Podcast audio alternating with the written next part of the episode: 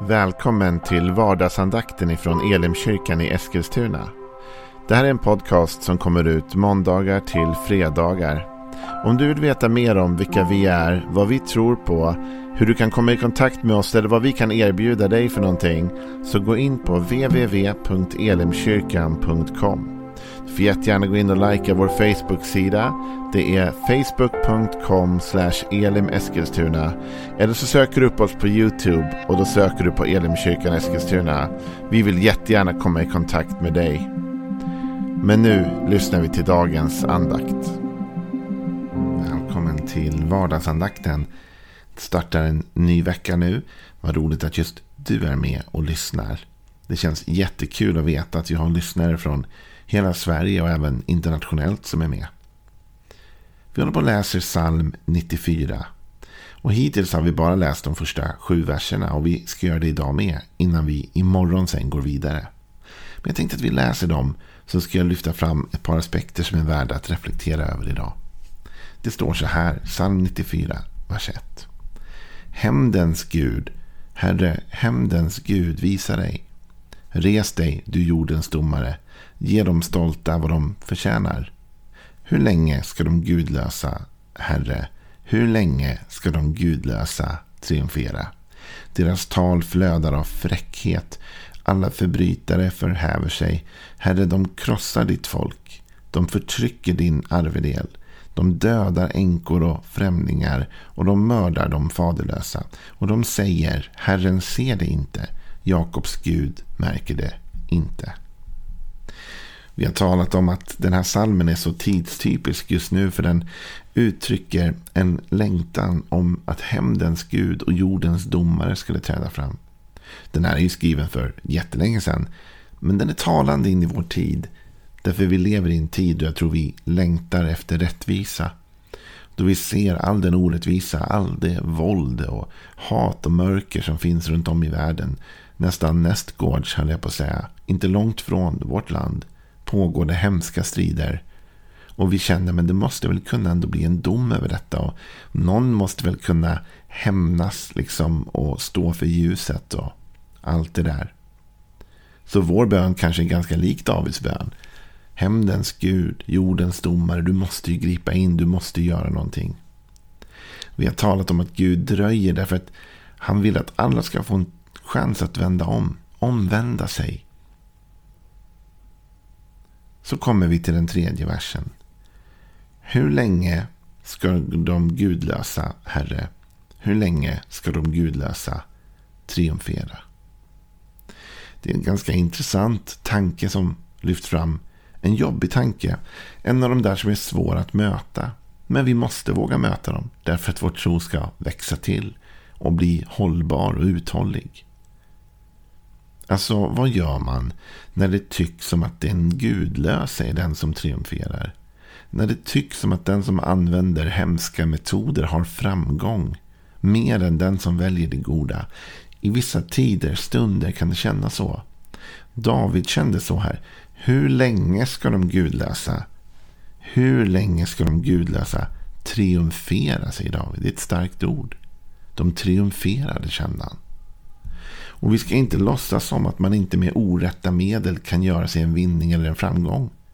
Det är klart att det finns många olika sätt att ta sig till toppen och inte alla sätt är goda. En del använder våld och hot och mord och allt annat för att åstadkomma sina medel. Och det kan tyckas som att de stundtals är triumferande. Ändå rymmer Davids fråga här tanken av att det är nog ändå inte för alltid så. För han säger, hur länge ska de gudlösa, Herre? Hur länge ska de gudlösa triumfera? Med andra ord rymmer den frågan tanken om att det här kommer nog ta slut. Alltså det kan inte pågå för alltid. Det man sår får man också skörda. Och det kanske tar lite tid. Men den som sår våld och hat och mord och ondska planterar även det i sin egen framtid på något sätt. Och man kan räkna med att den kommer få skörda när tiden är inne. Ändå så brottas David med detta. Hur länge ska detta pågå då? Och du och jag, vi kan se det ibland och veta det ibland. Att Gud väntar ju med domen. Han dröjer ju med domen därför han vill ge människor en chans att vända om. Men under den tiden som Gud väntar och dröjer och ger människor en chans till så kan det hända att vi i perioder känner att den onde tycks ha framgång. Och det stör vår tro, det stör vår tanke. Ändå har det alltid varit så. Vi läser i många av Bibelns böcker att den frågan är återkommande. Hur kommer det sig att den som gör orätt ändå tycks ha framgång? Att den som inte följer Guds bud och lagar och tankar ändå kan tyckas framgångsrik. Hur kommer det sig att våldet lönar sig ibland? Men det kanske inte gör det i längden. Och här får det bli en liten cliffhanger. Därför att imorgon när vi läser vidare från vers 8. Då kommer vi se att David själv ger en viss respons på det. Ett visst svar till det. Han faktiskt kommer att utmana den tanken själv. Men vi lämnar det för en liten stund och fortsätter imorgon. Men något mer är det som kommer fram här. Talet om de gudlösa. David han börjar tala om hur de beter sig. De beter sig oerhört dåligt. Deras tal, säger han, det flödar av fräckhet och alla förbrytarna de förhäver sig. De krossar Guds folk. De förtrycker, de dödar, de till och med mördar, säger David. Det är fruktansvärt vilket beteende. Och man kan fundera på hur kan människor ens komma dit? Jag vet inte om du har tänkt så någon gång. Men jag tittar på världen ibland och tänker hur kan människor ens bete sig sådär? Alltså hur rättfärdiggör de ens för sig själva sitt beteende? Hur kan de ha trampat över så mycket av etik och moral i sitt eget hjärta och, och bara agera på ett rent bedrövligt sätt? Så kan man ju fundera kring de stora världskriserna just nu. Men ibland funderar jag det i mindre situationer också. Ibland kanske när man möter människor som liksom snackar bakom ryggen på folk hela tiden. Som beter sig illa, som trycker ner andra, som gör en massa småsaker kan man tycka. Men som ändå på något sätt är onda och man kan fundera på hur kan människor ha liksom kommit dit? Att man tycker det är okej okay att prata illa om någon annan. Att man tycker det är okej okay att mobba någon annan, göra något dumt. Hur kan man komma till de punkterna? Hur tar man sig förbi liksom moralens gränser på något sätt? David ger faktiskt ett svar på det. Han säger så här. I slutet så säger han att de, då, de både förtrycker och dödar och mördar. Och de säger Herren ser det inte. Jakobs Gud märker det inte. Endast den människa tror jag som har liksom helt räknat bort Gud kan bete sig så här och tro att det är okej. Okay. Endast den som vars tal kan liksom flöda av fräckhet, som förhäver sig mot andra, som krossar andra, förtrycker, dödar, mördar. De har klivit över den ena moraliska gränsen efter den andra. Och de har gjort det i tanken av att det finns ingen Gud som ser mig. Det finns ingen Gud som kan döma mig. Utan jag går fri. Mitt dåliga agerande. Man ser också att det är en process. Du vet, vi pushar moralens gränser steg för steg. Etikens gränser steg för steg. Det står så här att det börjar med att deras tal flödar av fräckhet.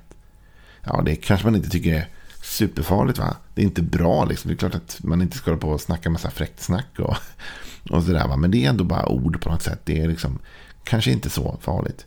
Men sen går det vidare med att de förhäver sig mot andra. Ja, men det är lite värre. Va? Man börjar sätta sig själv över andra. Man börjar trycka ner andra lite grann. Man, man förhäver sig själv på någon annans bekostnad. Men sen går det vidare till de krossar ditt folk. Oj. Från fräckt tal till förhävande till kross av människor. Och sen blir det förtryck. Och sen blir det dödande. Och sen blir det mördande. Steg för steg pushar man bort sina gränser. Och man gör det i tanken av att det finns ingen som dömer mig.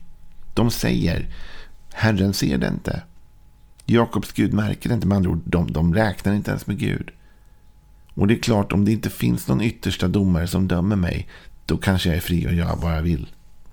Det var ganska intressant för något år sedan här tror jag, så kom ju en av världens mest ledande ateister ut och sa att, att eh, det var inte riktigt bra det här med att folk inte trodde på Gud.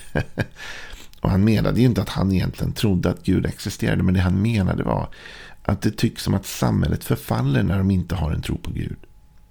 Alltså med andra ord, när människor inte tror att de har en domare över sig. När människor inte tror att det finns någon där uppe som ser mig. Och som står för världen av gott och ont. Och som faktiskt på något sätt ändå kommer döma det här i slutändan. När människor inte tror det. då är det fritt att bete sig hur man vill. För vem ska döma mig? Men om man har en tro på en Gud som finns, som är god och som värnar det goda och som dömer det onda och som står emot det onda. Ja, då kanske jag blir mer försiktig med mitt liv. För jag vill ju inte bli utsatt för hans dom. Jag vill ju inte liksom bete mig så illa att jag fångar hans uppmärksamhet så att säga. David har ju redan talat om det i den här texten. Som att det är precis så de här människorna lever. Som att Gud inte finns. För i vers 3 stod det ju. Hur länge ska de gudlösa? Herre, hur länge ska de gudlösa triumfera? Man kan fundera på vad David menar med de gudlösa. Han kanske bara menar alla som inte var del av Israel. Alla som var hedningar så att säga. Ja, det kan ju vara så han menade, det. Är väl inte helt otroligt. Men det kan också vara så att han menade i ordets mening. Gudlös. Alltså den som är utan Gud. Den som inte längre räknar med Gud, den som inte gör plats för Gud. Den som inte tänker på Gud längre. Den personen är gudlös. Den som säger Herren ser inte, Jakobs Gud märker det inte. Och du vet, nu tänker du och jag kanske på stora världskonflikter och det som händer som jag sa i, i länderna runt omkring oss som är bedrövligt. Men om du och jag drar ner detta i vårt eget liv till någon sorts närmre nivå så kan vi tänka att det är samma för dig och mig i den stund du och jag plockar ut Gud i vårt liv. Inte längre lever med Gud som liksom en kraft i vårt liv och inte lever med Gud i vår tanke. I den stund du och jag får för oss att Gud inte ser, inte märker vad vi håller på med. I den stunden så finns det en risk att vi börjar pusha våra etiska och moraliska gränser. Du vet det man gör när ingen annan ser. Om man tänker att Gud inte ser. Du vet, jag hörde någon säga om karaktär att karaktär är det du gör när ingen annan ser på. Detta med ögonkänneriet, du vet. Jag antar att du, som jag, som alla, vi beter oss inte exakt lika utanför vårt hem som i det, eller? Är du lika fri utanför på din arbetsplats som du är hemma? Troligtvis inte. Utan vi uppför oss lite mer noggrant när vi går ut, eller hur? Och jag var med mina barn på en restaurang häromdagen och fick förklara för dem liksom, att nu är vi på en restaurang, nu får man uppföra sig lite bättre än vad man kanske gör hemma vid köksbordet. Va? Eh, eh man måste tänka sig för liksom, i vissa miljöer, därför man tror att man är sedd, eller hur? På en restaurang finns det ju andra som tittar på hur du äter. På en restaurang finns det ju andra som ser dig. På din arbetsplats finns det andra som ser dig. Men du och jag, vi måste förstå detta. Att Gud ser visst. Gud hör visst. Och när du och jag lever med den insikten om en Gud som ser och hör. Som tar del av. Då blir det också en sorts en varning för oss. En tankeställare för oss. Hur vi beter oss. Kanske kommer vi då bete oss lite bättre. Vet du att jag tror att det är just så. Att när vi lever med Gud. Då lever vi eftertänksammare. Och vi lever godare. Och när vi inte har Gud. När vi är gudlösa. När vi tänker att Gud inte ser. När vi tänker att Gud inte märker. Då är risken att vi urvattnar vår etik och vår moral. Och beter oss illa. Och för en tid kan det tyckas löna sig. För en tid kan det vara så som David säger. Det tycks som att en gudlöse triumferar. Hur länge ska han få göra det? När ska det ta stopp och slut? Ja, lyssna imorgon. För då kommer vi börja vända på den här kuttingen och se att David visst säger att ah, men det finns nog faktiskt ett slut på detta också. Så lyssna på det, men tänk idag, lev idag med en medvetenhet, inte i rädsla, inte i fruktan, för du kan inte, du behöver inte vara rädd för Gud, du ska älska Gud och Gud älskar dig. Men ändå en insikt om att det finns någon som ser och det finns någon som hör. Och när du och jag förstår det, då kanske det leder oss i en riktning att fatta godare och bättre beslut. Ha en välsignad dag så hörs vi imorgon igen. Hej!